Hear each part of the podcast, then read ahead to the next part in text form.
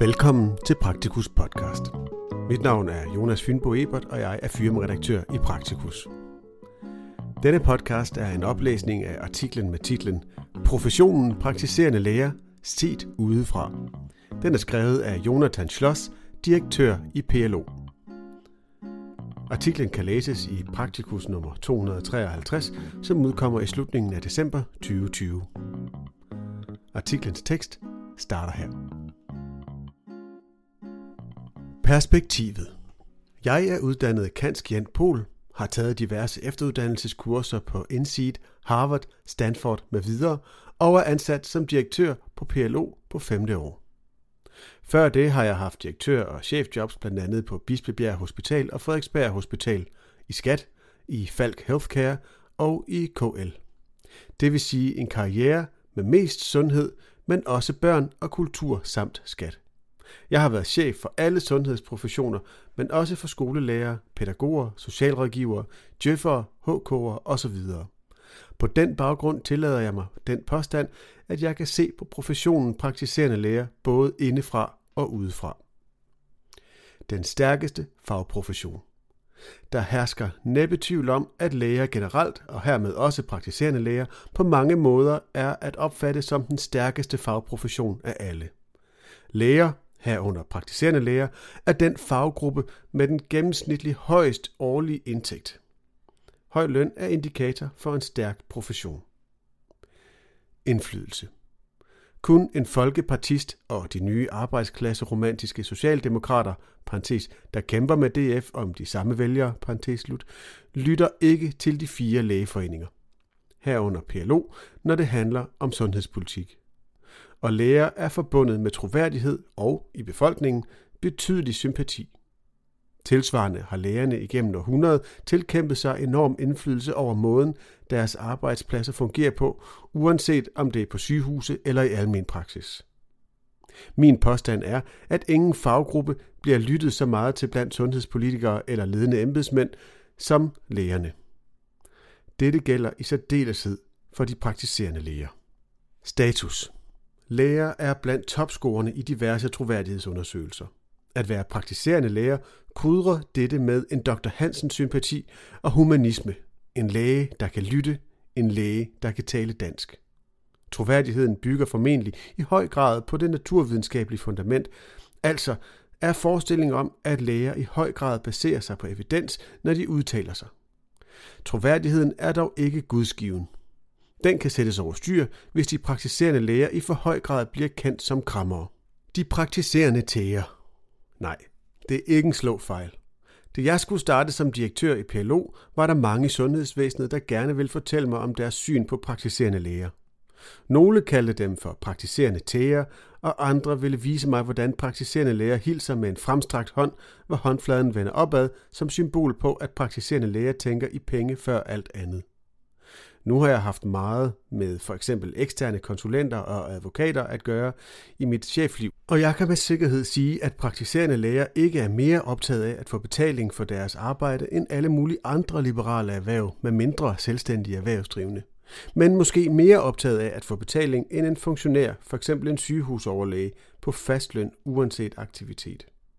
Denne optagethed af betaling for sit arbejde svækker dog uanset professionen praktiserende læger meget i samspillet med politikere, embedsmænd og sygehuslæger, da sundhedsvæsenet er vant til at have med fast lønnet at gøre.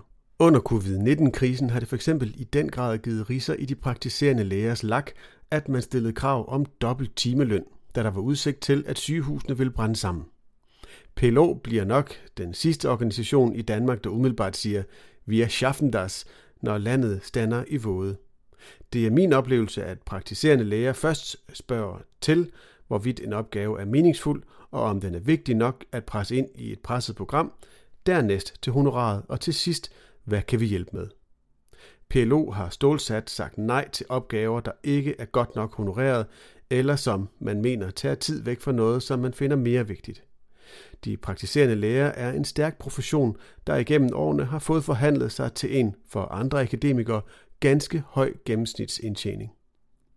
De effektive praktiserende læger. Den store force ved de praktiserende læger set med djøffernes øjne er deres effektivitet. De arbejder mange timer, og de arbejder meget fokuseret med kerneopgaven, patientbehandling. Når undersøgelser viser, at sygehuslæger kun bruger 15 minutter per time på direkte patientarbejde, mens praktiserende læger bruger 45 minutter per time på dito, så bliver man i djøffernes øjne en god og interessant faggruppe. Djøfferne ved godt, at det ikke kommer patienterne og skatteborgerne særskilt meget til gode, at sygehuslægerne bruger tre fjerdedele af deres tid på byråkrati, dårlig IT, møder osv. En ulempe ved fast løn kan være lavere produktivitet. De praktiserende læger bliver derimod kun honoreret for deres direkte patientarbejde, så de bruger ikke meget tid på møder, ledelse, udvikling osv. Dette skyldes selvfølgelig ikke kun incitamentstrukturer, men også professionens iboende lyst til at arbejde mest muligt med direkte patientkontakt. Ønsket om meget direkte patientkontakt gælder også for de fleste sygehuslæger. De kan dog ikke på samme måde selv tilrettelægge deres arbejdsdag, men er forpligtet til at medvirke i kvalitetsmøder, personalemøder osv. Det er de praktiserende læger ikke. De bestemmer selv over deres tid og hvilket IT-system de bruger. En humanistisk identitet. Når jeg har været chef for f.eks. pædagoger, skolelærer og socialrådgivere, har jeg altid fremhævet læger som den stærke fagprofession, som evnede selv at stå for udviklingen af eget fag, hvorimod de nævnte professioner i høj grad er blevet styret og udviklet af djøffer.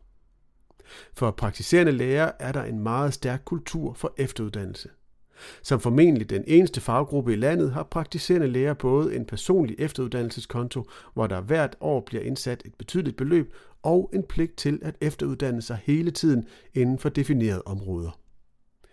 Noget særligt for de praktiserende læger er, at de også tilstræber en humanistisk identitet, hvor fokus ikke kun er på det naturvidenskabelige, parentes biomedicinske, men også det relationelle, altså relationen mellem patient og læge, og det at arbejde personcentreret. Den tilstræbte humanisme er unik for praktiserende læger og indebærer både en medført styrke og svaghed. Svagheden er, at praktiserende læger har en sværere forskningskultur end sygehuslæger. Specialet almen medicin ligger relativt lavt, hvad angår PhD'er, postdocs og professorer. Og den humanistiske del af almen medicin står særligt svagt, hvad angår publiceret materiale i forhold til den klassiske naturvidenskabelige lægevidenskab. Der er ej heller adgang til rigelige midler for medicinalindustrien. En anden svaghed er, at det først relativt sent blev et krav at være speciallæge i almen medicin. Det giver de praktiserende læger som profession et medfødt mindreværdskompleks. For i lægeverdenen tæller du traditionelt ikke i det interne hierarki, før end du er speciallæge og har publiceret forskning. Styrken ved de praktiserende lægers tilstræbte humanisme er, at de måske som det eneste speciale faktisk er optaget af relationen mellem læge og patient. Optaget af, om patienten er med i diagnostikken og behandlingen. Noget, som på sygehuset oftest er uddelegeret til sygeplejersken, som oversætter for patienten, når lægen er gået. Den gode praktiserende læge er i stand til, sammen med patienten, at prioritere i patientens behov og fokusere på det vigtigste, det har en kæmpe værdi i et sundhedsvæsen, hvor pengene aldrig slår til. Og hvor danskerne bliver ældre og dermed sygere.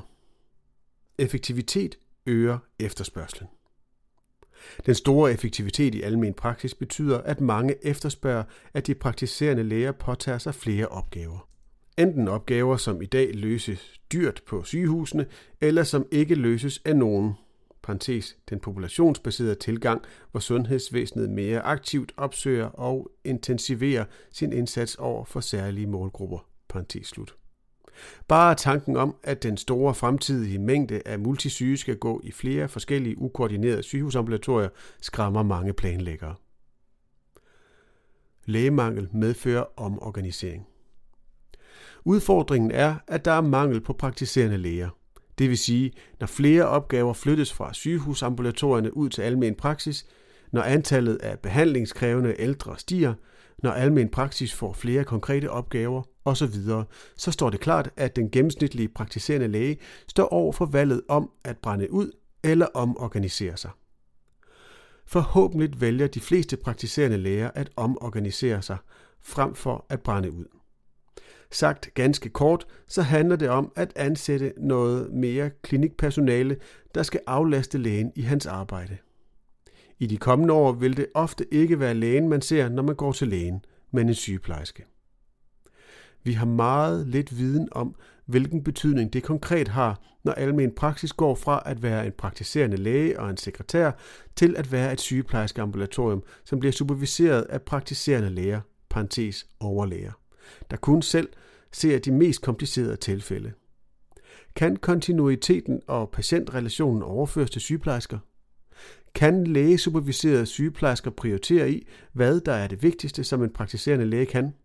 Eller vil de være så styret af guidelines og vejledninger, at almen praksis begynder at ligne et traditionelt sygehusambulatorium?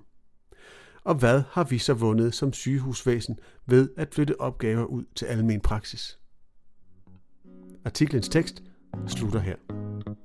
Artiklen kan læses i Praktikus nummer 253, der udkommer i slutningen af december 2020.